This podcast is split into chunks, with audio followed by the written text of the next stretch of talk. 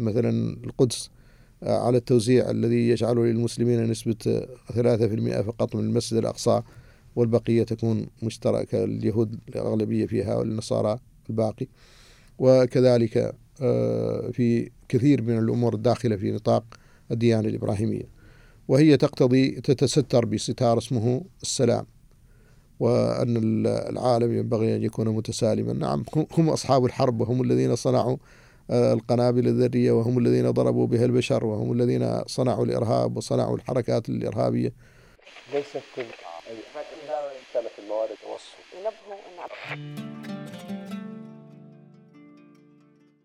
بسم الله الرحمن الرحيم. أه نرحب في هذه الحلقة في ضيف خاص وكبير هو العلامة محمد الحسن ولد الددو الشنقيطي رئيس مركز تكوين العلماء بموريتانيا رئيس جامعة عبد الله بن ياسين بنواكشوط ورئيس مجلس الشورى بجمعية المستقبل للثقافة والتعليم بموريتانيا وعضو مجلس أمناء الاتحاد العالمي لعلماء المسلمين مستشار كلية الشريعة بجامعة قطر. أهلا وسهلا ومرحبا شيخنا الجليل. مرحبا بكم واهلا وسهلا.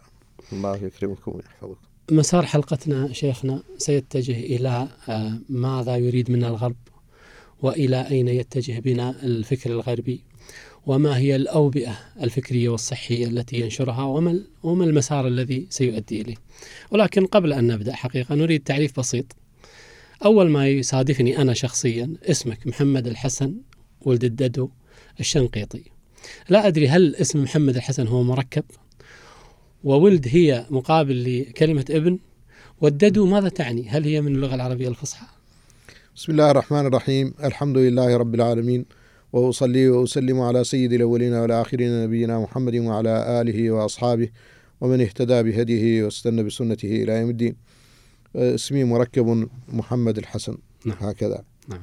فهو مثل الأسماء المركبة كلها نعم. نعم. وقد اختلف فيها بالنحو هل يجعل الاسم الأول مضافا إلى الثاني نعم. مثل هارون الرشيد نعم. أو يقال هارون الرشيد فتكون بدلا على وجه البدلية نعم. فكذلك هي محمد الحسن أو محمد الحسني هذا اختلاف بين النحويين نعم.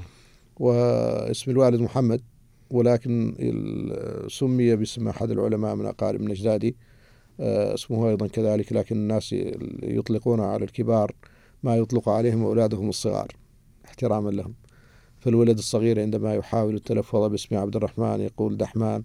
نعم. عندما يحاول التلفظ باسم عبد الرحيم يقول دحيم. وهكذلك محمد يقول الددو. هكذا. سبحان الله. نعم. فأصبح اسمه الددو بناء على الأطفال. لقب نقبا نعم. للشيخ. نعم. نعم. وانتشر الاسم. انتشر. أصبح بديل للاسم. نعم. شيخنا آه يعني استكمالا لموضوع التعريف. تنقلاتك الكثيرة وتقلبات الحياة في الشيخ محمد من آه، نشأة في البادية بدو رحل ثم آه، استقرار في المدينة أو القرية ثم سفر سواء في طلب العلم إلى السعودية وغيرها من البلدان ثم مجابهات سياسية وسجن ثم استقرار آخر في قطر هذه التقلبات ماذا شكلت في نفسية آه، الشيخ محمد الحسن؟ المفروض أن يكون الإنسان آه، على آه، مبدئه وتربيته أينما كان وفي أي ظرف كان.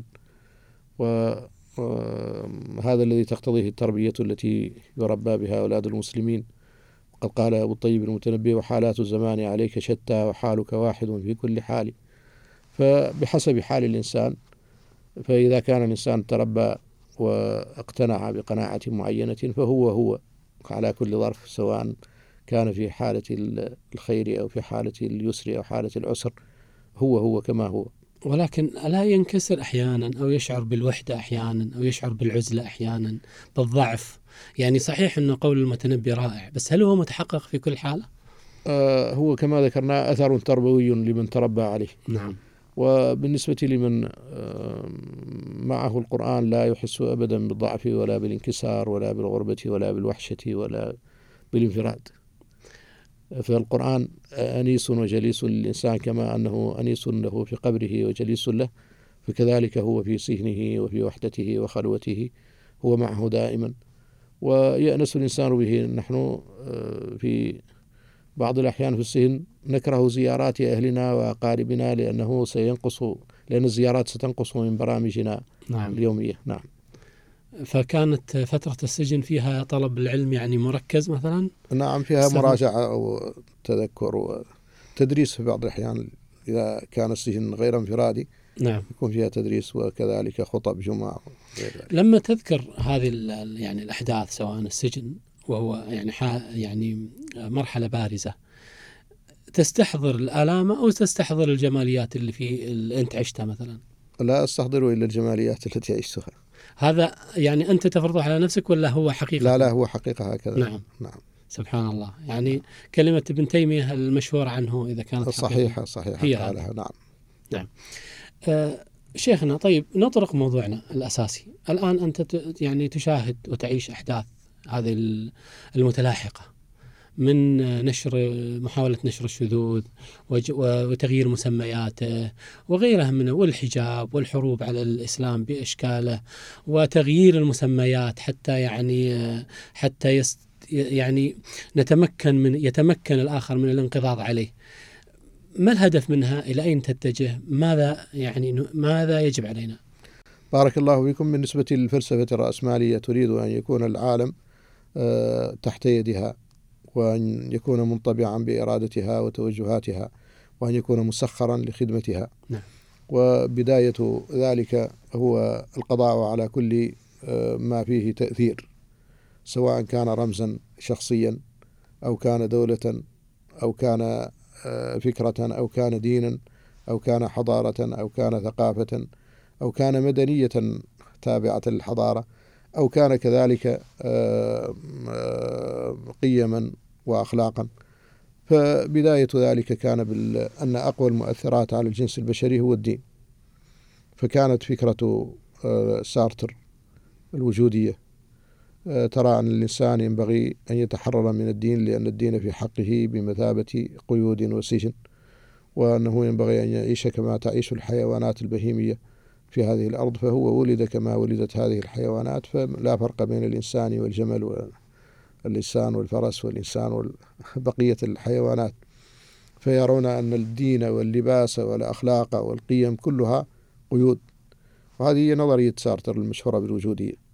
ولكنها اصطدمت بأن أن هذا لو وجد لعم على كل الإنسان. فلا فرق حينئذ بين الرأسمالي والاشتراكي وبين الشرقي والغربي وبين القوي والضعيف فكلهم سينطبق عليهم قانون الغاب الذي هو قانون البهائم. ثم بعد ذلك آه، جاءت نظرية داروين بالنشوء والارتقاء وهي مبنية على نظرية سارتر لأنها تقتضي أن الإنسان نعم هو موجود مثل هذه الحيوانات ومثل هذه البهائم. لكن له خصوصيات فهو تطور عن البهائم إلى طور معين ولكن هذا الطور ينبغي أن يكون فيه الإنسان منطلقا من أنه هو الذي يطور نفسه وهو الذي يرقيها. ففيه إنكار لوجود الخالق وإنكار للحاجة إلى الدين والأخلاق وغير ذلك. ثم اصطدمت هذه النظرية وهي نظرية النشوء والارتقاء كذلك بأنها لو تحققت لكان الإنسان كله آه، متساويا ولا فرق فيه وهذا ما لا يريده الرأسماليون. نعم. ثم جاءت بعدها نظرية ثالثة وهي نظرية الانترفيت في الولايات المتحدة الأمريكية والتي قصد بها أن الولايات المتحدة مثلا تصنع للناس ما يحتاجون إليه من طعام ولباس ووسائل اتصال ووسائل نقل وغير ذلك. فلماذا لا تصنع لهم أيضا ما يحتاجون إليه من الدين؟ فيكون دينا مصنعا على وفق الإرادة الأمريكية كما أن الوجبات السريعة التي تصنعها ماكدونالدز أو أي مطعم من مطاعم الوجبات السريعة آه، هي تصنيع أمريكي والإنسان له جوعتان في نظرهم جوعة روحية آه، يشبعها بالعبادة لأي شيء سواء عبد بقرة أو حجرا أو شجرا أو هدي إلى عبادة الله. وجوعة بدنية يشبعها أي نوع من أنواع الطعام. وهذه النظرية أيضا اصطدمت بجدار الدين لأن الدين السماوي آه، ليس آه، اجتهادا بشريا ولا مأخوذا من حضارة البشر بل هو منزل من السماء من عند الله جل جلاله. فلذلك جاء التطوير الجديد الذي يسمى بالبيت الإبراهيمي أو الدين الإبراهيمي الذي يقصد به أن الديانات التي تهم أهل الأرض الآن هي الديانات السماوية لأنها مستوردة من خارج الأرض. وهذه البقية منها اليهودية والنصرانية والإسلام. فبدل ما نحاول القضاء عليها نحاول أن نعمل منها آه، مثل آه، عصير ملفق من بينها. نضعها في الخلاطة ونخرج منها هذا العصير. ويكون على وفق ما نريد. فتكون النسبة نحن نتحكم فيها. نسبة ما نأخذه من اليهودية نسبة ما نأخذه من النصرانية نسبة ما نأخذه من الإسلام. ويكون هذا بحسب القوة المؤثرة لأنها التي بيدها الاختيار وطبعا القوة المؤثرة الآن إما النصرانية أو اليهودية. فيكون الإسلام أقل نصيبا من كل هذه الديانات ويكون في في الذيل والقاء في أسفل القائمة. ولكن الإسلام معصوم محفوظ من عند الله والله قال إنا نحن نزلنا الذكر وإنا له لحافظون وقال لا يأتيه الباطل من بين يديه ولا من خلفه تنزيل من حكيم حميد. وهذه الديانات الأخرى آه، لا صلة لها بإبراهيم عليه السلام فقد قال الله تعالى في القرآن ما كان إبراهيم يهوديا ولا نصرانيا ولكن كان حنيفا مسلما وما كان من المشركين وقال تعالى إن أولى الناس بإبراهيم للذين اتبعوه وهذا النبي والذين آمنوا والله ولي المؤمنين. وقال تعالى ملة أبيكم إبراهيم هو سماكم المسلمين من قبل وفي هذا ليكون الرسول شهيدا عليكم وتكونوا شهداء على الناس.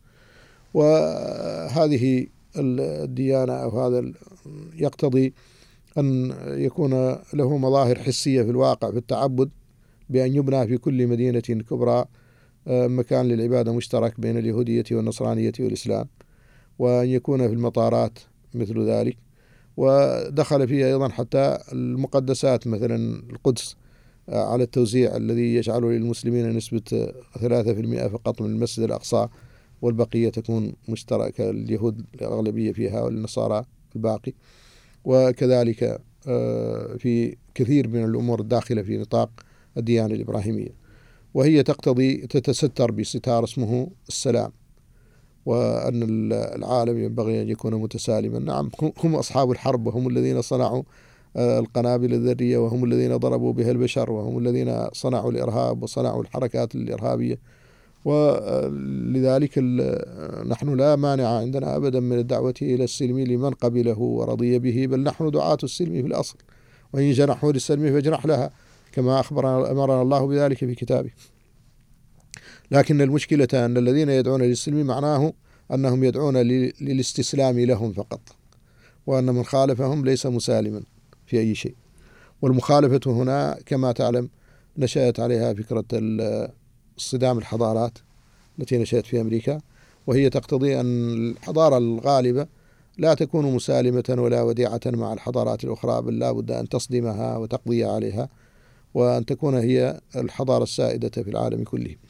هذا أيضا يدخل فيه ما نراه آه، من السعي لتهديم القيم. فالقيم والمقدسات مرتبطة بعضها مرتبط ببعض. فمن القيم أو من أعظم القيم الإنسانية قضية إقامة الأسرة.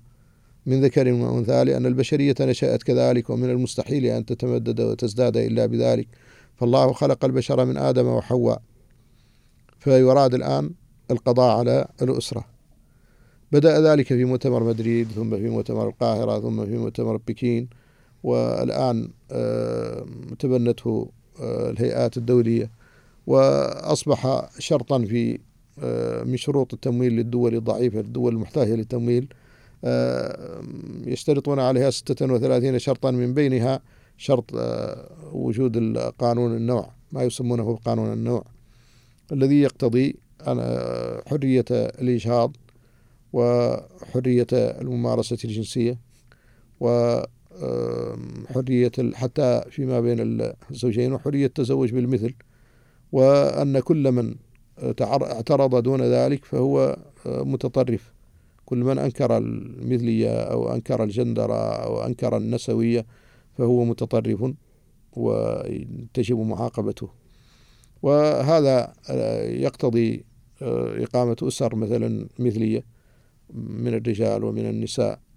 وفي بعض المناطق في ألمانيا فكروا في ذلك فشاعت الأسر المثلية. ولكن وجدوا أنها تمضي عليها السنوات وما زاد العدد ويكبرون ويموتون. فقالوا إذا ستنقرض البشرية بهذا. ففكروا في أن يقيموا أسر آه، ثلاثية بدل أسر ثنائية. يكون رجل يكون رجل وامرأتين أو امرأتان امرأتان رجلان وامرأة. نعم. حتى يكون حتى يكون احتمال في تكاثر في تكاثر ولكن إلى الآن هذا كله آه، باطل ولا يمكن أن آه، يستقيم والبشرية لا يمكن أن تقبله. وأيضا آه، ما نسمعه الآن من قضية القضاء على القوامة مطلقا وأنه لا يتدخل للأولاد فلا يمكن أن تشتري الولد الصغير إذا ولد لباسا يختص بالذكور أو لباسا يختص بالإناث بل اتركه وحريته ولا تسمه حتى يعقل هو ويختار لنفسه الجنس الذي يريده هل يريد أن يكون ذكرا أو يريد أن يكون أنثى. وأيضا حرية العمليات الجراحية التي آه، تزيل آه، عن الإنسان صفته الفسيولوجية فيغير خلقته. فهذا متاح كله بحسب القانون وبحسب النظام محمي نعم. بالقانون.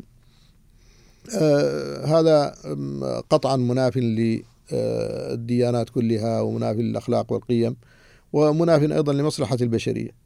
ويدخل في هذا النطاق أيضا ما تسمعه الآن من المبالغة في آه، قضية الذكاء الاصطناعي ومحاولة أن يكون في بديل عن الإنسان معناها هذا البشر ازدادوا فكثروا. فأصبحوا الآن آه، في تصور الرأسمالية أعداد هائلة كبيرة يجب إنقاصها. يجب نقصها. فيجب نقصها إما بتصنيع آه، الأوبئة التي تقضي على عدد كبير من الناس وإشاعتها وإطلاقها في العالم. وذلك سيؤدي إلى كثير من المشكلات مثل ما شاهدنا في كوفيد. نعم. فإنه أدى إلى ضربة اقتصادية جامدة فيما يتعلق بإغلاق الأسواق والمصانع وغير ذلك. فجاءت عكسية. نعم. وإما بإقامة حروب مدمرة تجرب فيها أنواع من الأسلحة الجديدة كما نرى الآن في الحرب بين الروس والأوكران مع أن الروس لم يكونوا يريدون الحرب والأوكران لم يكونوا يريدونها وإنما فرضت عليهم فرضا. ولكن تعدت الآن الحدود فأصبح الأثر متعديا إلى كل الدول الأوروبية الآن لأنها تدفع بسلاحها إلى أوكرانيا وانقطع عنها الإمداد بالطاقة الذي كانت تجده من وكذلك العالم الآخر آه، كان يجد المعاش والحبوب أغلبها كان يأتي من تلك المنطقة فتوقف الإمداد بها إلا قليلا وهكذا. فيراد أن يكون هذا الذكاء الاصطناعي بديلا عن البشر. إذا قل وجود البشر فأصبح سكان الأرض مثلا مليار واحد يسمونه المليار الذهبي وقضي على البقية. فنحن نحتاج إلى كثير من المصانع ونحتاج إلى كثير من الخدمات. فيقوم الذكاء الاصطناعي بهذا. فيكون لدينا أجهزة كثيرة أجهزة تقوم بالعمليات الجراحية الطبية مثل ما هو حاصل الآن. أجهزة تقوم ببناء البيوت أجهزة تقوم بتحريك الطائرات أجهزة تقوم بتنظيف البيوت وتنظيف الصحون وتنظيف الأواني. أجهزة تقوم بكل شيء فيكون هذا داخل في إطار الذكاء الاصطناعي. ويكون الإنسان نفسه مبرمجا أيضا بزراعة زراعة شرائح. في الإنسان تتحكم في تفكيره وفي صحته وفي حتى في آه، رضاه وسخطه وسعادته وغضبه. نعم. آه شيخنا يعني دائما من خلال حديثك هذا يطرق آه، فكري الآن آه، الحوار الدائم في حول نظرية المؤامرة. وهناك من يرفضها يعني يستصغر عقل من يقول بنظرية المؤامرة. نعم بالنسبة الإيغال في في المؤامرة وأن يتوقع الإنسان أن كل شيء هو من تصنيع الآخرين وأن أشعة الشمس تزيد وتنقص بصنعهم وأن الجفاف الذي يحصل في الأرض وأن الاحتباس الحراري وغير ذلك هذا أنه كله مصنع. هذا غير صحيح لأنه مبالغة في نظرية المؤامرة. لكن أيضا في العكس الازدراء بها ونحن نشاهد ذلك ونرى الدراسات ونرى آه، القرارات ونرى القوانين التي تصوغها الدول وتتبناها وتفرضها آه، هذا أيضا من إنكاره بلاها وبلاده. فهذا أمر واقعي مشاهد بالعيان. هل استطاع الغرب من خلال مد فكره و وقوته ونفوذه من استخدام المجتمعات الإسلامية أفراد في خدمة هذا هذا التوجه؟ هو في الأصل يركز على الدول على الأنظمة والأنظمة هي التي تدير المجتمعات فأغلب المجتمعات هي خاضعة للأنظمة وتابعة لها والأنظمة تسير في system آه، موضوع لها ولا تتعداه وهذا ال system بالضرورة سيخدم آه، هذه الأجندات وهذه المخططات. يعني هناك اذرعه منا منا نحن يخدم نعم هذا نعم طبعا. نعم. طيب دور الآن دور الأسرة مثلا دور وأنت من الشخصيات الإسلامية التي تحدثت كثيرا عن دور الأم والخالة والجدة والعمة. هذا الدور هل هو مفقود الآن ولا موجود؟ هو موجود. وحتى في الغرب وحتى في المناطق التي تصدر هذا ما زالت الأم فيها محتاجا إليها ولا يمكن أن نجد بديلا عنها. والغريب أن الدراسات حتى تثبت أن لبن الأم في الرضاع لا يعدله شيء بالنسبة للأولاد فالعالم الإسلامي ما زالت الأمهات فيه في كثير من البيئات يقومن بدورهن التربوي والإرشادي بالإضافة إلى قيامهن بدورهن الآخر فيما يتعلق بالرعاية والحماية وغير ذلك مما يحتاج إليه الطفل حتى يتم خلقه وتتم نشأته. من خلال نشأتك شيخنا يعني أنت حفظت القرآن وحفظت أظن البخاري على يد يعني نساء الأسرة. هل هذا موجود الآن؟ ترى يعني موجود متحقق على الأقل في المجتمعات الخليجية بشكل واضح؟ بالنسبة لكثير من المجتمعات في الخليج وغيره آه، كثير من النساء الحمد لله يقيمن الآن آه، مقارئ يقرأ فيها عدد كبير من النساء. وأيضا تعدينا ذلك إلى أن يأخذن الإجازة في القراءة العشر الحمد لله. لكن أغلب توجه القارئات إلى النساء. إلى البنات. نعم. والمفروض أن يكون الأولاد الصغار أيضا لهم لهم حظ من هذا لأن الرجال الكبار آه، قد لا يرفقون ولا يلطفون بالأطفال الصغار فتربية النساء لهن آه، أنسب. الآن يعني من أيضا من الظواهر تعزيز سيادة المرأة والمناداة بالنسوية. وهذه أعتقد أنه كما ترى كثير من النساء في المنطقة تتبناها وتنادي بها. نعم كثير من النساء تتبناها من غير فهم لها. نعم. لو فهمت القضية لما رضيت بذلك. وكثير من الرجال أيضا ينادون بها والمساواة والمساواة لكن لا لم يفهموا ذلك. تعرف قصة آه، الأديب البيحاني اليماني؟ رجل من أهل اليمن سأله أحد هؤلاء وكان يناقش معه قضية المساواة بين الرجال والنساء فتركه حتى أطال الكلام وأفاض. فقال له هل هذا هل هذا الذي كنت تقولينه قناعتك؟ قال أنت تخاطبني بالتأنيث أنا فغضب. قال أنا رجل. قال إذا رددت على نفسك وانتهى الحوار. أجبت أفتيت نفسك. نعم. الهدف منها كما ترى شيخ. الهدف منها كما ذكرناه هو تفكيك. كل الكيانات وكل آه، القوة وكل مصادر القوة لتصنع من جديد وترتب ترتيبا آخر. هل لبرامج التواصل وما يسمى بالسوشيال ميديا الآن أثر في من يعني طبعا هذه هي وسائل الغزو. نعم. من أين يغزى الناس في بيوتهم إلا من هذه الوسائل؟ أثارها كما تراها. آثارها سيئة جدا لأن الولد إذا آه، قدر أن والديه اشتغلا بتربيته وتعليمه آه، لن يجد له وقتا كافيا للمتابعة طيلة الوقت فهو يتلقى من هذه الوسائل أكثر مما يتلقى من الأب والأم ومن الأسرة ومن المدرسة فأثرها عليه أبلغ فلذلك خطرها الآن كبير جدا على المجال التربوي يتلقى الأولاد والبنات من خلالها أكثر مما يتلقون من خلال المدرسة ومن خلال الأسرة ومن خلال الشارع ومن خلال وسائل الإعلام الناصحة. فضررها كبير جدا من هذا الوجه. أيضا هناك ترويج لفكرة العمليات التجميل خاصة وتلقفها النساء بشكل صحيح. كبير جدا يعني. صحيح صحيح. هذا بين الله أنه من آه، وسائل إبليس للإغواء. ولا آمرنهم فليغيرن خلق الله ومن يتخذ الشيطان وليا من دون الله فقد خسر خسرانا مبينا. يعدهم ويمنيهم وما يعدهم الشيطان إلا غرورا. الشيطان يسعى لذلك. فاشتهر ذلك بين النساء لأن الإنسان بطبعه لا بد أن يبدأ من ضعف ثم يصل إلى كمال خلقته ثم يرجع إلى الضعف والشيبة ثم يأتي إلى الموت. وكثير من الناس لا يريد أن يظهر عليه الكبر.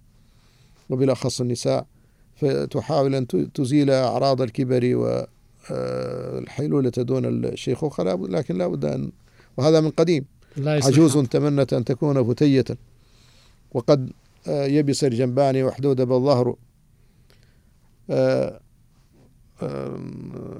فهذا الواقع محاولة علاج هذه الأمور التي هي قدرية نافذة على الجنس البشري لا لا يغير شيئا. لا يصلح العطار ما أفسد الدهر. نعم. وهل يفسد العطار وهل يصلح العطار ما أفسد الدهر؟ طيب شيخنا الآن أنت يعني انطلقت من البادية من من خلال بودنا تذكر لنا مميزات أن ينتمي الإنسان إلى البادية خاصة سواء كان مرتحل أو القيم التي يستقيها من هذا ال... بارك الله فيك. بالنسبة لنا نحن معشر العرب آه، نشأتنا كلها بدوية مرتبطة بهذه البادية بما قال الله تعالى أفلا ينظرون إلى الإبل كيف خلقت؟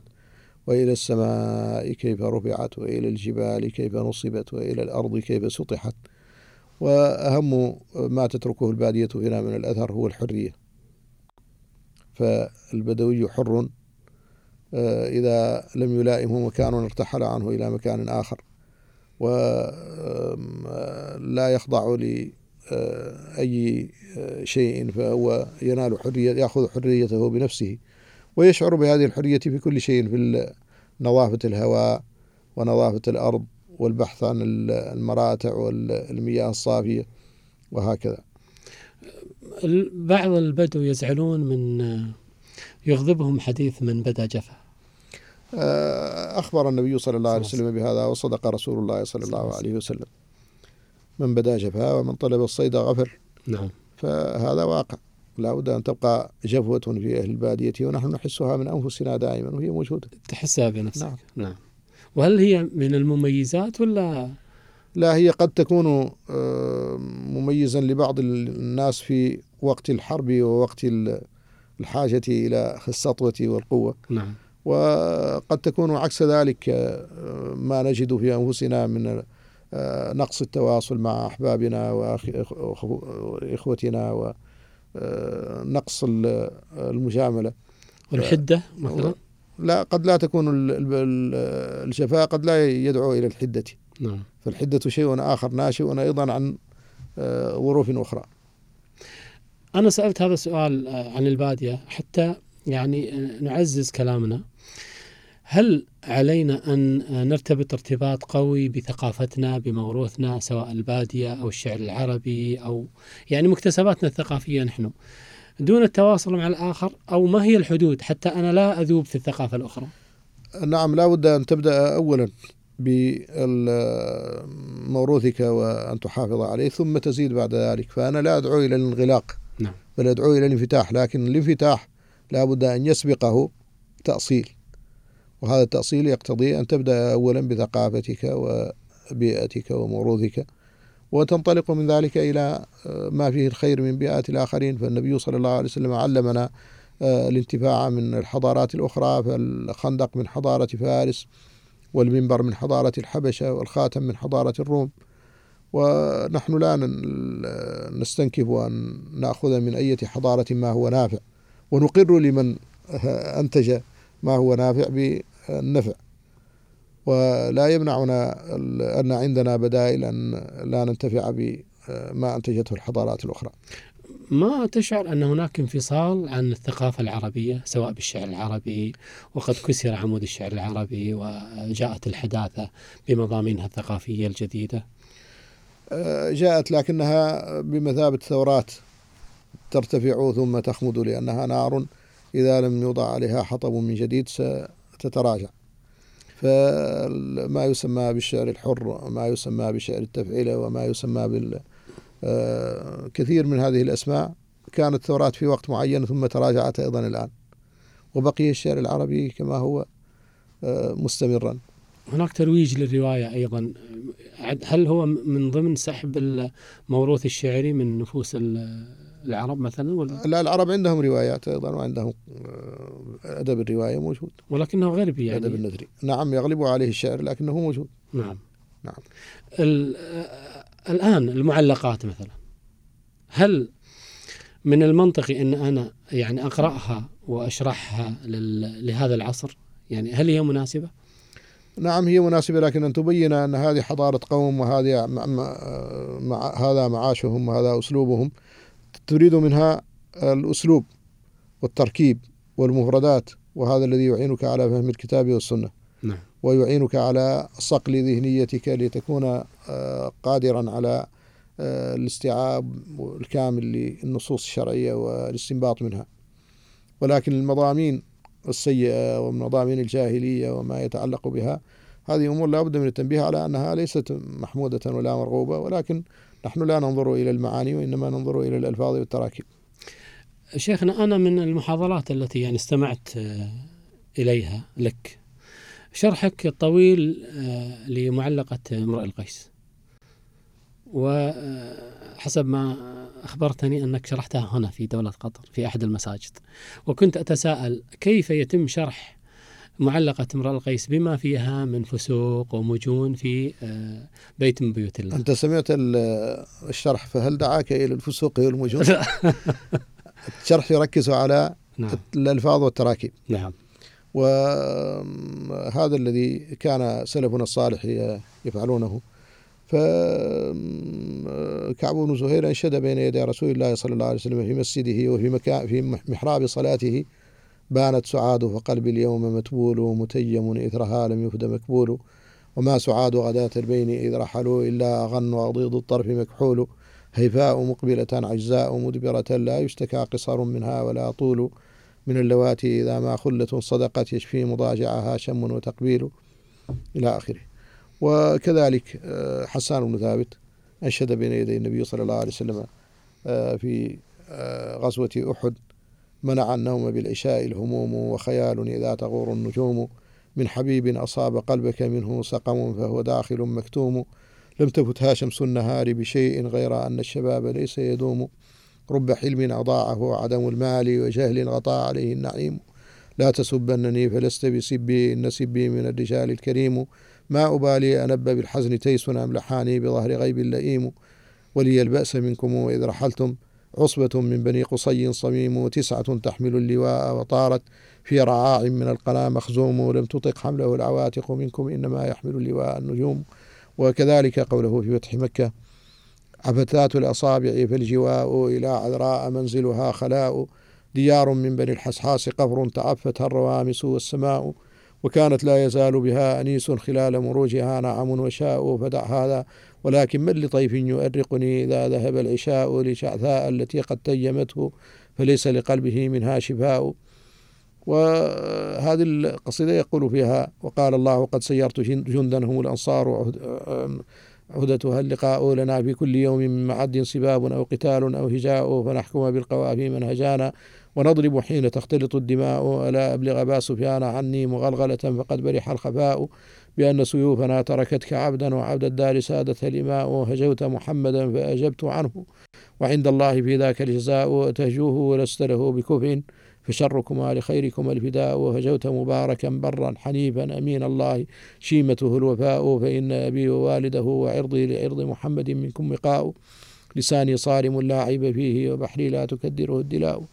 ومن عادة العرب أن يفتتحوا القصائد سواء كانت في مدح أو رثاء أو ذم بالنسيب والغزل كما قال أبو طيب المتنبي إذا كان مدح فالنسيب المقدم أكل أديب قال شعرا متيم.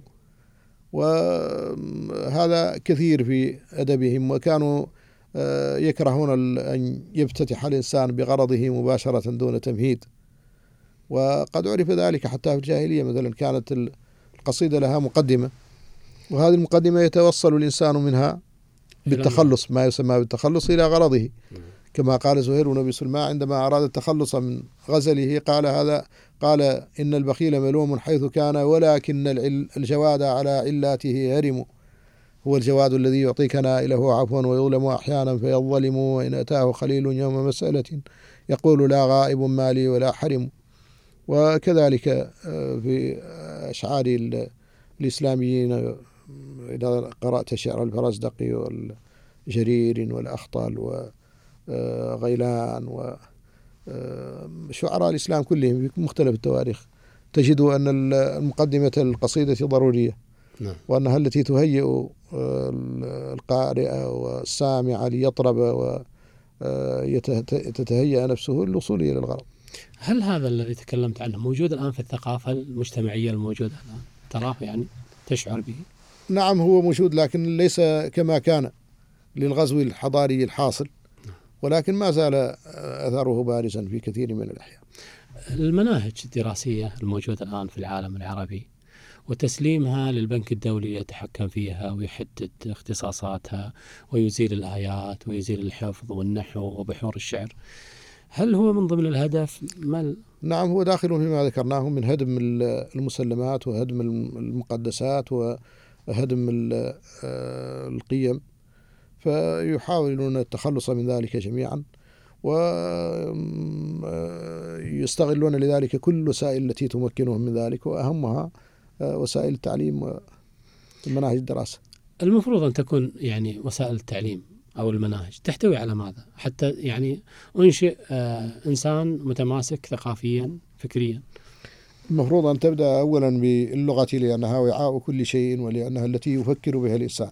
اللغة العربية. اللغة لغة الإنسان التي سيبدأ بها ولغة المسلمين التي يبدأون بها. أول ما يقرؤون الحمد لله رب العالمين الرحمن الرحيم فلذلك يحتاج المسلمون جميعا إلى قراءة اللغة العربية. نعم.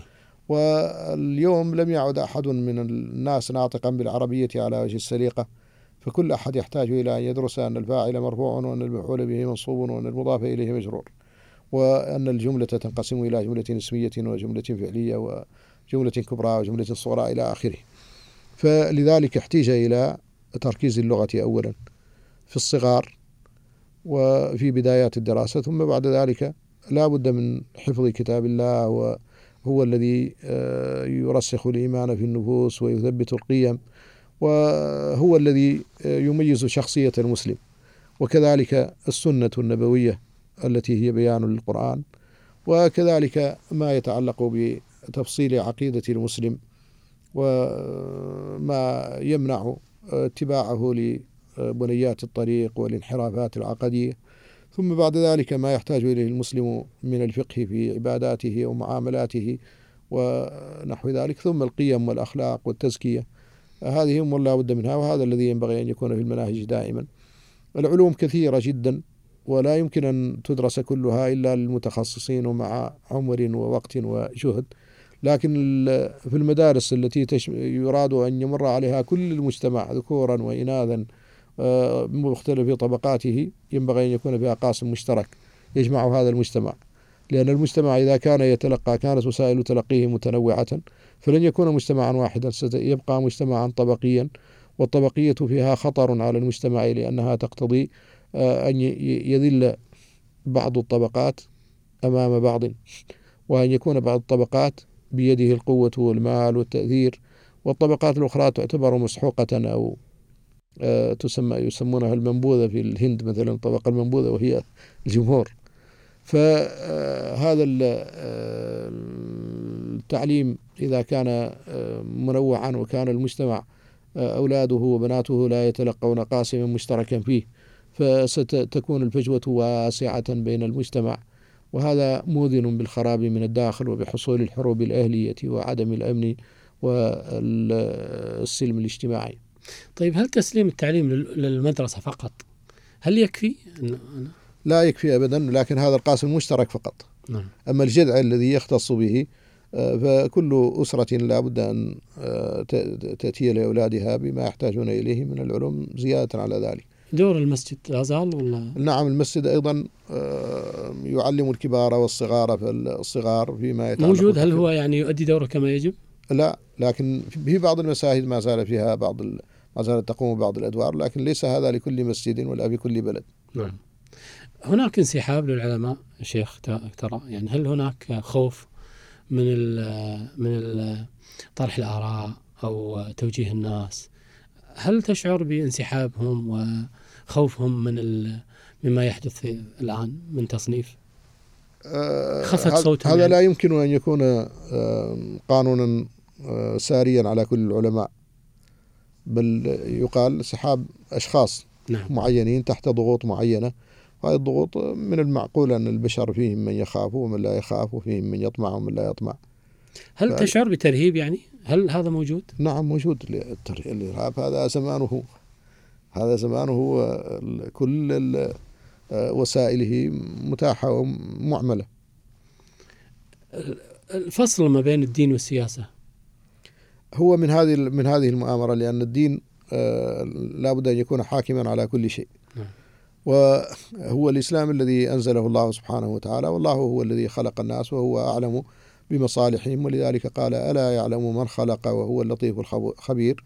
فهو الذي يعلم آه، ما يصلح لهم من السياسة والقيادة وكيف يقادون. والسياسة آه، هي عبارة عن آه، بناء الدولة وتدبير مواردها وأمورها. وهذا في الشرع. هو نيابة عن رسول الله صلى الله عليه وسلم والذي يقوم به إنما ينوب عن صاحب الشرع. ولذلك تعريف الإمامة في الفقه أنها نيابة عن نيابة عن صاحب الشرع في إقامة الدين وسياسة الدنيا به أي بالدين. فإذا فصل الدين عن السياسة معناه أننا عطلنا جزءا من الدين. قطعنا يد الدين مثلا أو رجله. نعم. فيكون حينئذ مشلولا. وأي شيء مشلول لا يستطيع أن يقوم بدوره ولا بكل أموره. وهذا التجزئة أيضا أخذت خطوات متدرجة. في البداية كانت النظرة العلمانية التي تقتضي أن الإنسان حر في أن يتعبد وعلاقته بالله محصورة له داخلة في نطاق حريته فله أن يتعبد بما شاء فيما بينه وبين الله. لكن يفصل الدين عن حياة الناس. عن السياسة وعن الاقتصاد وعن الأمور الاجتماعية وعن الثقافة فهذه أمور لا علاقة للدين بها. فالدين مختص بما بين العبد وربه. ثم بعد ذلك جاء التصنيف الجديد فأصبح الإسلام نفسه يجزأ. فيقال أولا كانت الحرب على التطرف الإسلامي أو الإسلام آه، الحربي أو الإسلام الجهادي. ثم جاء الإسلام السياسي. ثم يأتي الإسلام الشعائري والتعبدي. لأن المقصود محاربة الإسلام في أي ثوب كان وفي أي صورة كان. نعم. تحذير تحذير العلماء من التقرب للسلطان وأن الإنسان يدخل إلى السلطان العالم يدخل إلى السلطان بدينه ويخرج بلا دين هل هذه يعني يجب أن تكون قاعدة؟ لأنه إذا ابتعد العلماء عن السلطان يعني من يوجه السلطان؟ من تكون بطانته؟ بالنسبة لهذه القاعدة إنما جاءت في عصور انفصل فيها السلطان عن العلماء. الأصل أن السلاطين يكونون علماء. نعم. كما كان في تاريخ الأمة الإسلامية. ينظر إلى الخلفاء الراشدين أعلم هذه الأمة. وكذلك من بعدهم من الخلفاء الأمويين إذا نظرت إليهم والعباسيين و فيكون السلطان عالما وهو العالم هو هو المفتي وهو المجتهد. هو خطيب الجمعة. وهو خطيب الجمعة والذي نعم. يصلي الناس وراءه والذي يقود الناس في الحج ويفتيهم في كل شيء. هذا الذي كان. لكن بعد أن انفصل السلاطين عن العلم وأصبحوا لا يهتمون به وأصبح الوصول إلى السلطنة أو إلى الحكم آه، ليس من شروطه الحصول على العلم مع أنه من شروطه فقها. نعم. فهو شرط في الفقه أن يكون مجتهدا إن وجد وإلا فأمثل مقلد هذا شرط. لكن آه، عندما أصبح الواقع مختلفا عن ذلك آه، بدأ العلماء في التميز عن الدولة وكان ذلك إيجابيا في أوقات من الأوقات عند سقوط الدولة الأموية وبدء الثورة الخراسانية التي جاءت بالدولة العباسية. هي هذه الثورة سببها آه، ديموغرافي وهو أن العرب أصبحوا أقلية في المسلمين.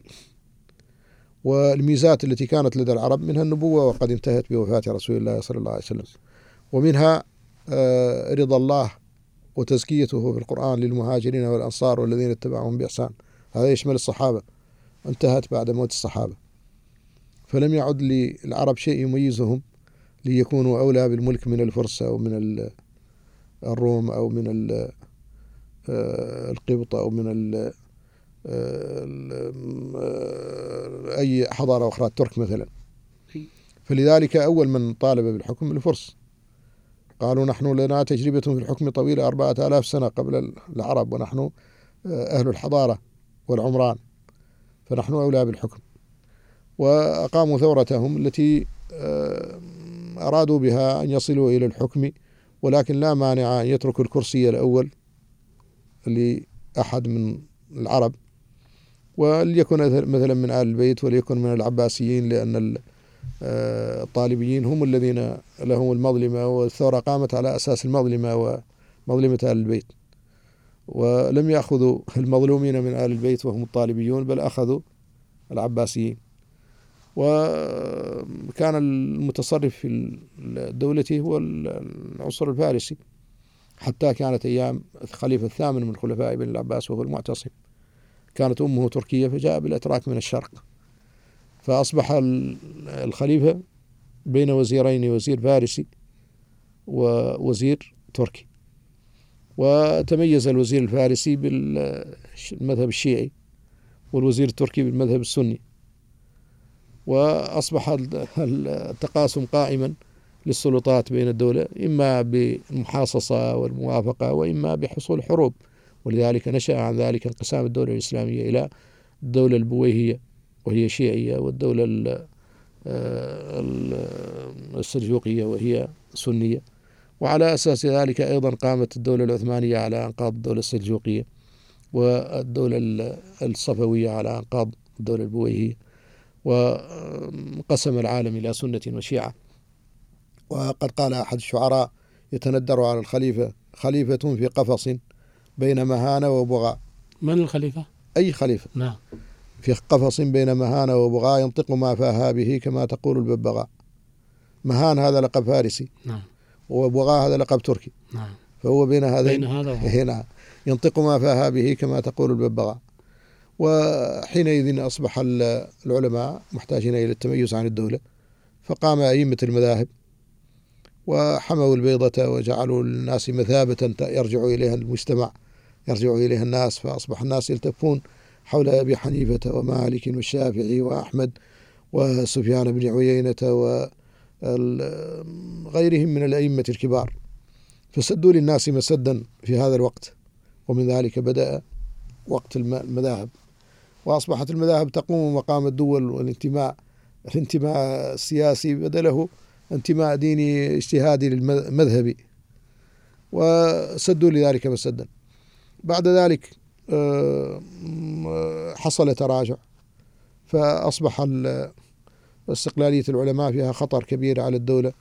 فأيام المأمون آه، غلب عليه مذهب المعتزلة وأسلم إليهم مع أنه هو في الأصل من أذكى الناس وأعلم الناس.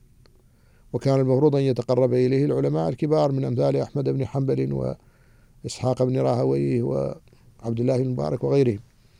لكن المسف أن الدولة انحرفت فاضطهد أهل العلم الكبار. وعذب الإمام أحمد وقتل عدد من العلماء والأئمة في فتنة القول بخلق القرآن. ثم بعد ذلك الحمد لله عادت الأمور إلى نصابها فترة. ثم في أيام الغزو الخارجي ظهر دور العلماء واقترابهم من السلطان. عندما جاء هولاك من الشرق آه، الحكام المماليك في مصر اعتمدوا على العلماء. نعم. من أمثال العز بن عبد السلام وكذلك في المغرب الفندلاوي وكذلك القاضي الفاضل بالنسبة للأتراك وهكذا. فكان استعاد العلماء دورا جديدا في تحريك الدولة. ابن تيمية حرك الدولة في زمانه وجيوشها مع أنه هو يعتبر من المعارضة. ولكن الدولة سمعت له وأطاعت فانتصرت على عدوها. وكان هو من روافد الدولة ومن المحرك المحركات الأساسية للشعب. وهكذا في عصور مختلفة كان للعلماء أدوار في نهوض الدول وتقدمها وانتصارها على أعدائها. وتحريك الشعوب وراء الدول وانتظامها آه، في آه، سلك الدول. آه، في زماننا هذا أصبح كثير من الذين يطلبون العلم أصلا ما طلبوه للدين ونصرته وإنما طلبوه للدنيا ولينالوا حظوة ومالا وجاها. ومن يريد الحظوة والمال والجاه ما له إلا أبواب السلاطين. فهي التي يجد فيها ذلك. ومن لا يريد ذلك ويطلب الدين يمكن آه، أن يكون ضعيفا فيكون الأسلم له أن يبتعد عن مواقع الفتنة. ويمكن أن يكون قويا فمن الأسلم له أن يزاحم أولئك على أبواب السلاطين وأن يأمر وينهى ويعلم ويرشد وينصح كما هو واجب. تقلبات بعض شيوخ الدين أو العلماء كما ترى يعني نرى آه، عالم يعني بسمت جيد وبطريقة جيدة فجأة انقلب. بسبب إغراء المال بسبب التهديد بسبب سلطة يعني أسبابها شيخنا. نعم هذه الفتن عائدا بالله منها والنبي صلى الله عليه وسلم حذرنا منها وبين أنها أن القلوب تعرض على الفتن كأعواد الحصير عودا عودا كل يوم. والله سبحانه وتعالى يثبت من يشاء والفتنة لا تأتي إلا على حال معصية. إذا كان العالم أو المثقف أو الفقيه في وقت من الأوقات آه، واقع معصية لله كبر عجب آه، ظلم بلسانه أو بيده أو آه، أكل غيبة أو نميمة أو أي محرم من المحرمات في هذا الوقت تأتيه الفتنة. مثل ما حصل لصاحب الجنتين ودخل جنته وهو ظالم لنفسه. أنا في حال ظلمه لنفسه في حال كونه مقترفا للذنب جاءته الفتنة. قال ما أظن أن تبيد هذه أبدا وما أظن الساعة قائمة. ولئن رددت إلى ربي لأجدن خيرا منها منقلبا. إذا يعني الفتنة لا تأتي إلا بسوء مضمر داخل نفسه نعم إلا في وقت وقت ضعف الإنسان ووقت ضعفه لا يكون إلا باقترافه لمعصية لله. فتتمكن منه الفتنة. تتمكن منه الفتنة. نسأل الله العافية. نسأل الله السلامة والعافية. نرجع شيخنا ل آه، ما طرقته حول الدولة الأموية والدولة العباسية.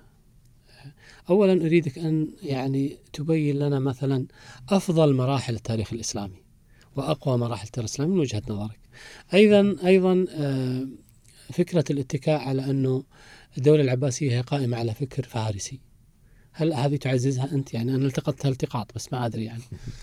بارك الله فيك. آه. بدل آه، طلبك سأعدل عنه إلى عكسه. نعم. وسأذكر مشكلات الأمة الإسلامية طيب. وأوقات ضعفها. هذه الأمة آه جاء في الحديث ذكر خمس مراحل سياسية ستمر بها وخمس مراحل دعوية ستمر بها. المراحل الخمسة الدعوية جاءت في حديث حذيفة بن اليمان رضي الله عنهما قال كان الناس يسألون رسول الله صلى الله عليه وسلم عن الخير وكنت أسأله عن الشر مخافة أن يدركني. فقلت يا رسول الله إنا كنا في جاهلية وشر. المرحلة الأولى. فجاءنا الله بهذا الخير الخير المحض الذي لا شر فيه. نعم. حياة النبي صلى الله عليه وسلم. جاءنا الله بهذا الخير. فهل بعد هذا الخير من شر؟ قال نعم. هذا الشر طواه ولم يصفه لنا بشيء.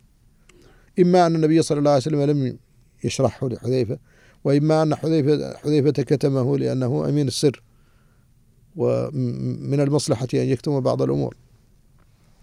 وهذا الشر يشمل الفتنة.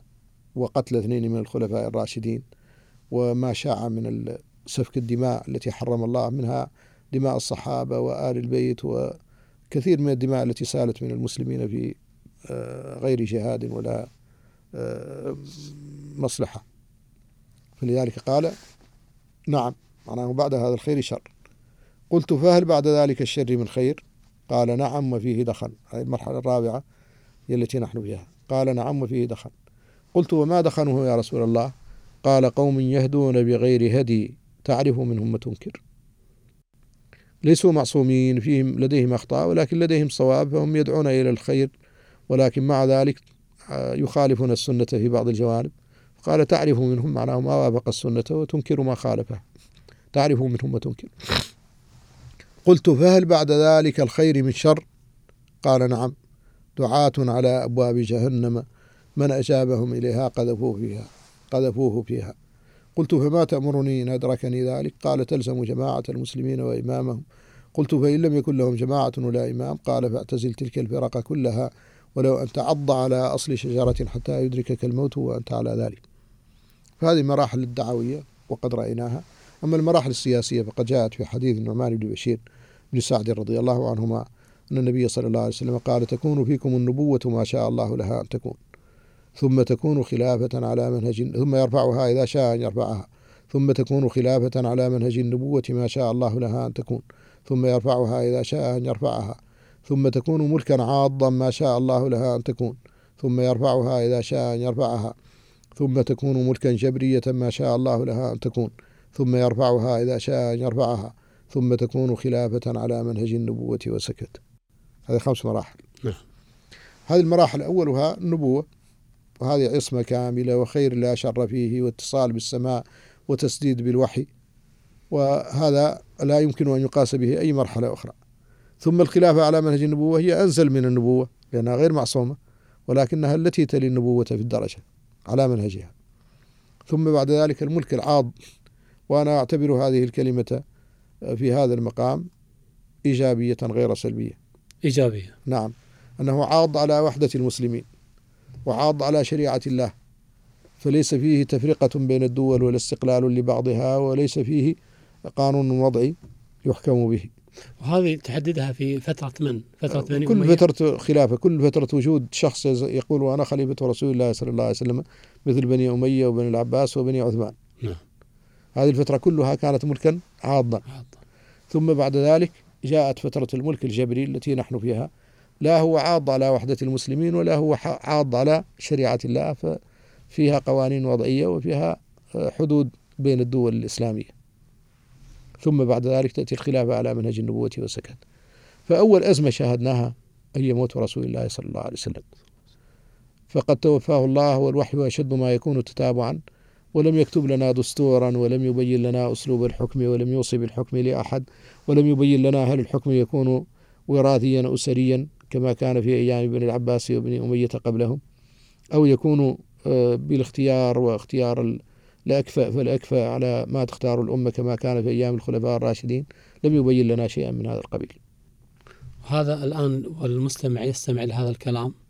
قولك لم يبين لنا هل ممكن أن يظن المستمع أن هذا قصور؟ ليس قصورا لكنه حكمة من الله. سبحانه فالله أراد أن يقع هذا الذي وقع.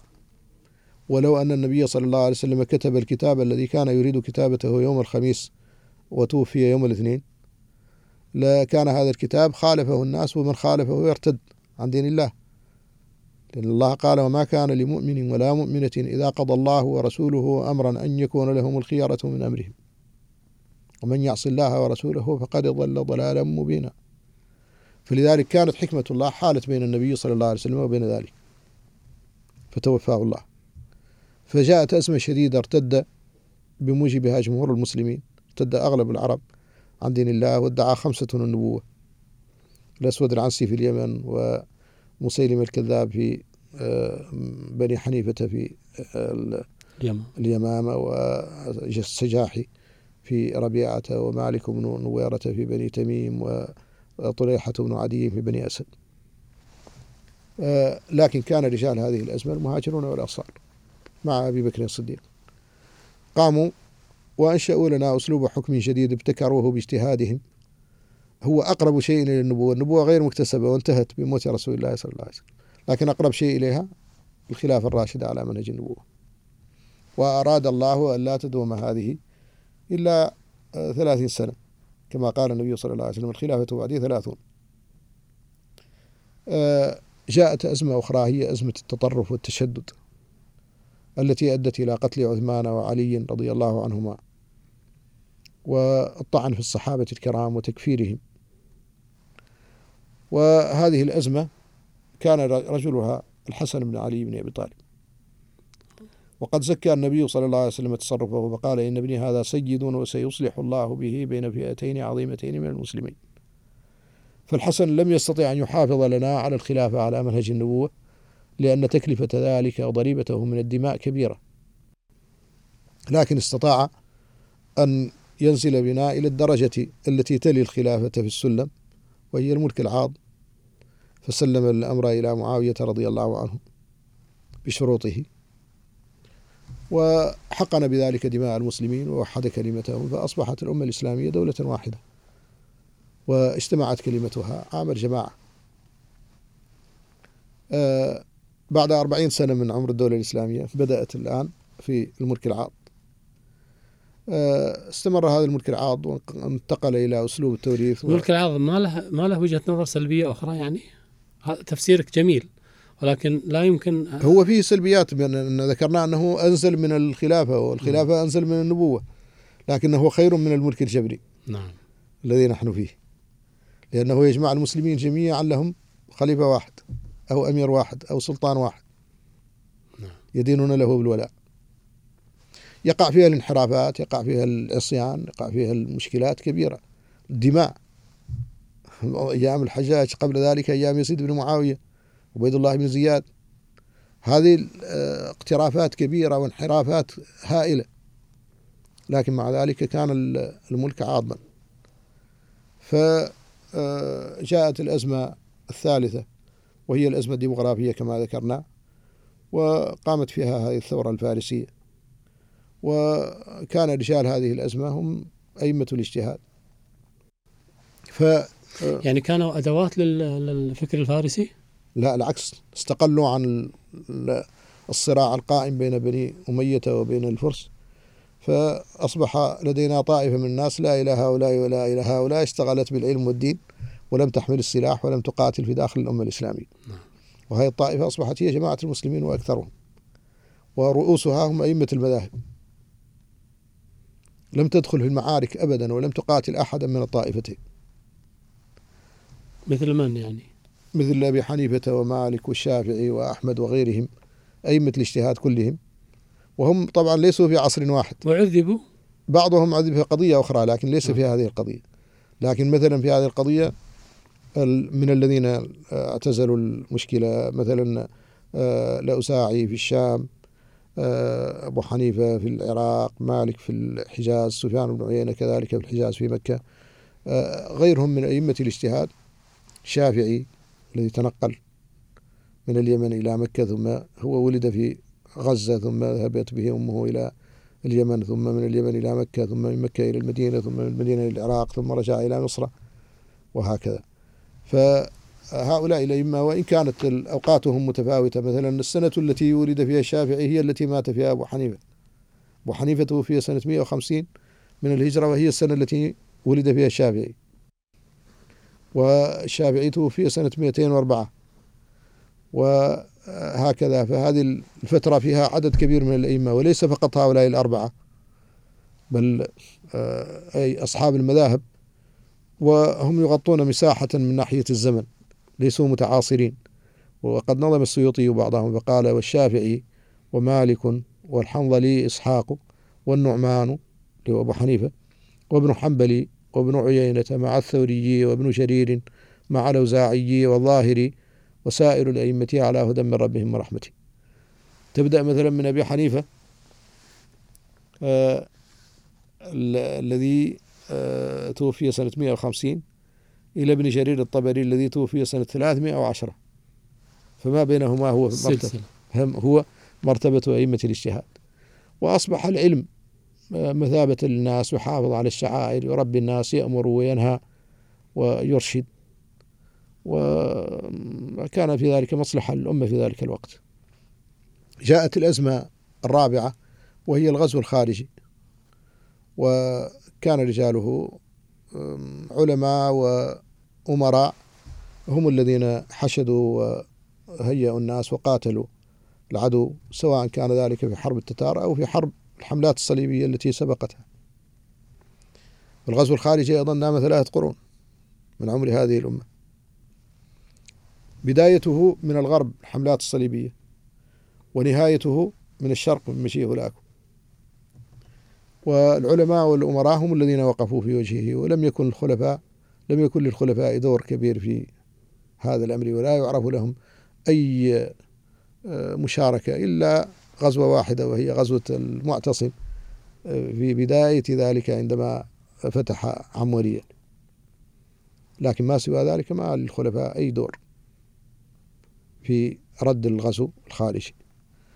بل العلماء والأمراء العلماء كثير الذين شاركوا كما ذكرنا ابن تيمية والفندلاوي والعز بن عبد السلام والقاضي الفاضل وابن الصلاح وغيرهم كثير النووي غيرهم من المرشدين الكبار.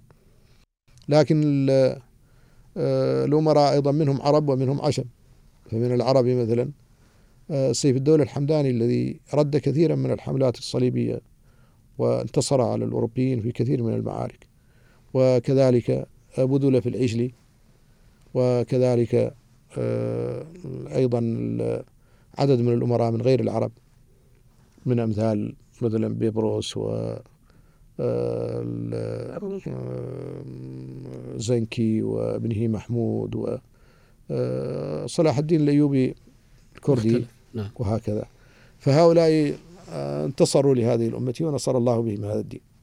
ثم جاءت الأزمة السادسة. آه، عفوا الأزمة الخامسة وهي سقوط الخلافة والخروج من الملك العاض إلى الملك الجبري بإلغاء الخلافة العثمانية واحتلال العالم الإسلامي من قبل آه، القوة الاستعمارية وتوزيع تركة الرجل المريض. وكان رجال هذه الأزمة هم الدعاة الذين أنشأوا الحركات الإسلامية والجهادية والدعوات الإصلاحية. التي حافظت للناس على الدين وعلى آه، خصوصياتهم في كل بلد.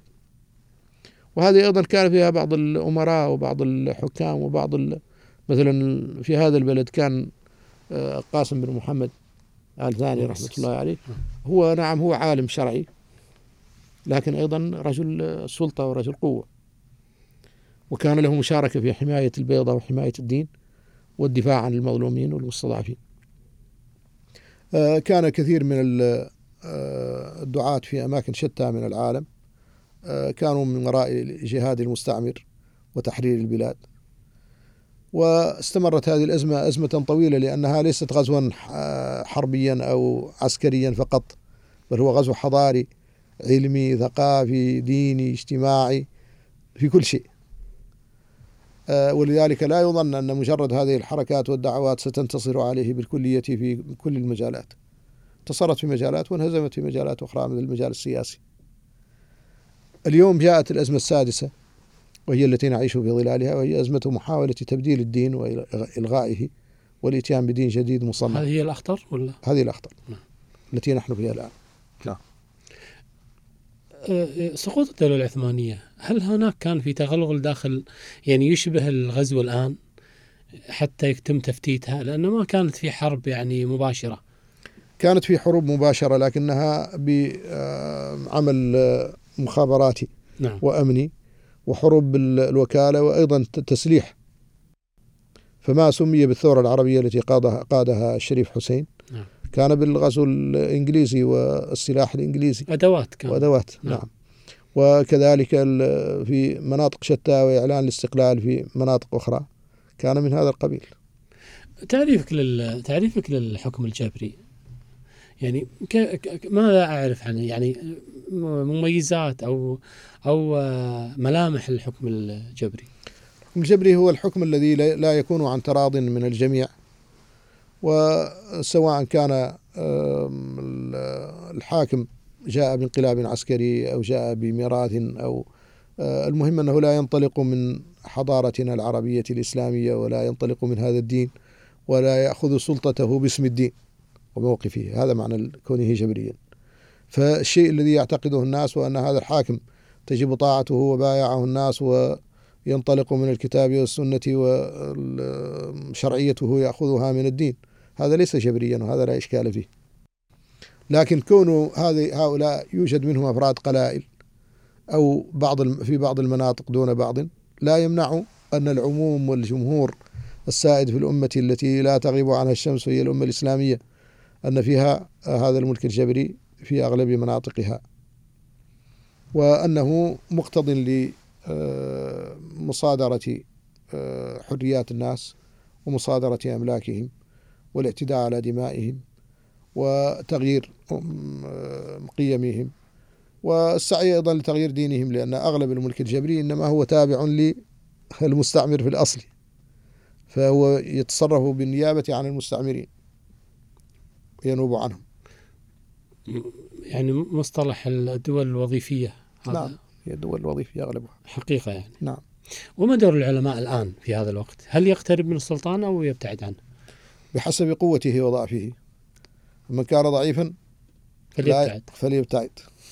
كما قال النبي صلى الله عليه وسلم يوشك أن يكون خير مال المسلم غنم يتبع بها شعاب الجبال ومواقع القطر يفر بدينه من الفتن.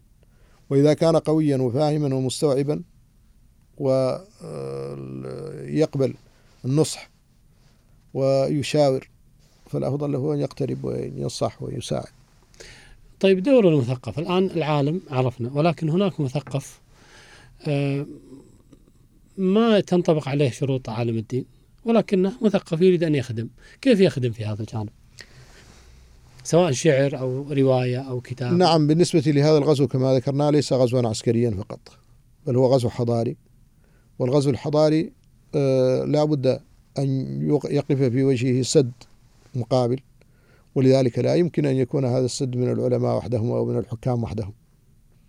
بل لا بد أن يكون لدينا طبقة من الإعلاميين ومن المثقفين ومن الواعين ومن التجار ومن الاقتصاديين ومن الساسة ومن الدبلوماسيين المتحدثين ومن القانونيين ومن الحقوقيين الذين درسوا وعرفوا المداخل والثغرات اللي ياخذوا للأمة حقوقها وليردوا عنها هذا الكيد وهذا الغزو الخارجي.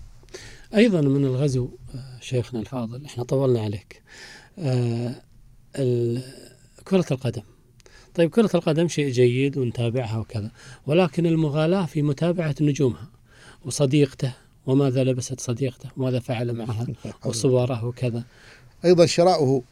شراؤه. شراؤه بأثمان باهظة يمكن أن تقيم دولة بكاملها. نعم. سعر آه، اللاعب الواحد الآن يمكن أن يقيم لنا مصنعا للطائرات أو للسيارات أو سبحان الله. آه، الطائرات المسيرة. فهذا نعم كل شيء دخله الغلو والتبذير فهو مخالف للمنهج وضرره أكثر من نفعه الرياضة مطلوبة وكرة القدم منها ولا حرج فيها بل فيها فوائد ومنافع. لكن أن نجعلها هي الانتصار وكأن الشعوب ما تنتصر وما وكأن البطولة والشجاعة ليست إلا فيها. وهذا بطل العالم وهذا آه، البطولة وهؤلاء يأخذوا الكأس معناه أنهم انتصروا. وانتصرت الدولة الفلانية على الدولة الفلانية وانهزمت الدولة الفلانية بسداسية أو رباعية أو نظيفة إلى آخره. هذا لا شك فيه مبالغة وتحريش آه، بين الناس وبالأخص بين الشباب والصغار فيظنون أن هذا فعلا آه، حرب قائمة ولذلك تجد فيها مع الأسف الآن آه، كثير من التعصب والمقت والخلافات والعداوة والبغضاء. طيب. بين أنصار هذا الفريق وأنصار هذا وهما من دولة واحدة. نعم. الآن هي واقع وموجودة وغزت البيوت. هل يجب أن أنا ألغيها ولا ممكن أستثمرها؟ مثلها مثل الأفلام السينمائية. يمكن أن نستثمرها ولكن لا بد أن يكون ذلك توجه سياسي من الدولة نعم. وأن توجهها بالتوجيه الصحيح هل أعجبك تصرف دولة قطر في قيام مثلا كأس العالم ب أعجبني بعض ما فيه. نعم. منه مثلا إلغاء الخمر وتحريمه وقضية منع دخول إشارة الشواذ إلى الملاعب نعم. وضبط الأمور أمنيا وأخلاقيا مدة هذه الفترة مع خلائق كبيرة جدا نعم. ومن ديانات مختلفة وتوجهات مختلفة ومع ذلك ضبطت بحمد الله في هذه الفترة ضبطا شهد به العالم جميعا على نفس ما تريده الدولة. أسئلتنا الأخيرة شيخنا آه كيف تقضي يومك؟ أنا مسكين مثل ما يقضي المساكين يومهم في حتى نقلد بعض الأمور التي لا أنا ما أصلح لي أن يقلدني أحد وما أنصح بذلك. فأنا مسكين أضع من أضعف الناس وأضعفهم في كل المجالات. تراجع حفظ القرآن مثلا دائما؟ هذا واجب كل إنسان له ورده اليومي من القرآن بحسب ما من المراجعة وال... لا لا يحفظ ويقرأ بحسب حاله نعم. وأيضا حتى في التدبر والتفسير. الحفظ هل تراجع محفوظاتك مثلا من الشعر وغيره ولا؟ الشعر الآن أصبحت كبير السن ما عاد لي لكن الله عمرك آه لكن مراجعة بعض المسائل الفقهية وغيرها قد يحتاج إليه. تحب السفر؟ لا. بالعكس الآن أنا سافرت كثيرا وزرت أكثر من 52 دولة وتعبت من السفر ف الدولة التي تحبها يعني يعني في نفسك غير موريتانيا طبعا التي يعني لها وقع في نفسك. كل البلدان الإسلامية أحبها ولكن البلدان التي فيها أجد فيها راحة بين أهلي وإخواني مثل قطر مثلا ومثل آه، المغرب وتركيا وغيرها من البلدان التي يأمن فيها الإنسان ويجد فيها راحة فهذه لن لن يعدل بها. أحببت الإقامة في قطر؟ نعم الحمد لله. العلاقة مع قطر من يعني ترجع إلى أي تاريخ؟ آه إلى أول آه زيارة إلى قطر تقريبا سنة آه آه 89 نعم نعم من ذلك الوقت الحمد لله والعلاقة ممتازة مع الشعب ومع الناس وأيضا مع الجهات الرسمية. الحمد لله رب العالمين. وفقك الله يا شيخ الله يكرمك شكرا على هذا الوقت اللي الله يبارك فيكم ويجزيكم كل خير. جزاك الله خير. وهذا يعني إحنا بودكاست اسمه أبواب وتعاوننا مع آه، أنت أف أم. يعني وفروا لنا هذا الأستوديو. الله يجزيك. وعندنا فريق عمل نحب نشكره آه، أخونا مبين الأمين المخرج وبدر قهوجي وراشد عيسى الهاجري ومجد الدين صالح. وأنا شخصيا فخور وسعيد وأنت فارس وشمرة. الله الله يكرمك. الله يسعدك يكرمك الله يحفظكم أجمعين. شكرا شكرا. بارك فيكم وفي الفريق وفي المشاهدين والمستمعين والمستمعات. اللهم آمين. الله يكرمك يا شيخ.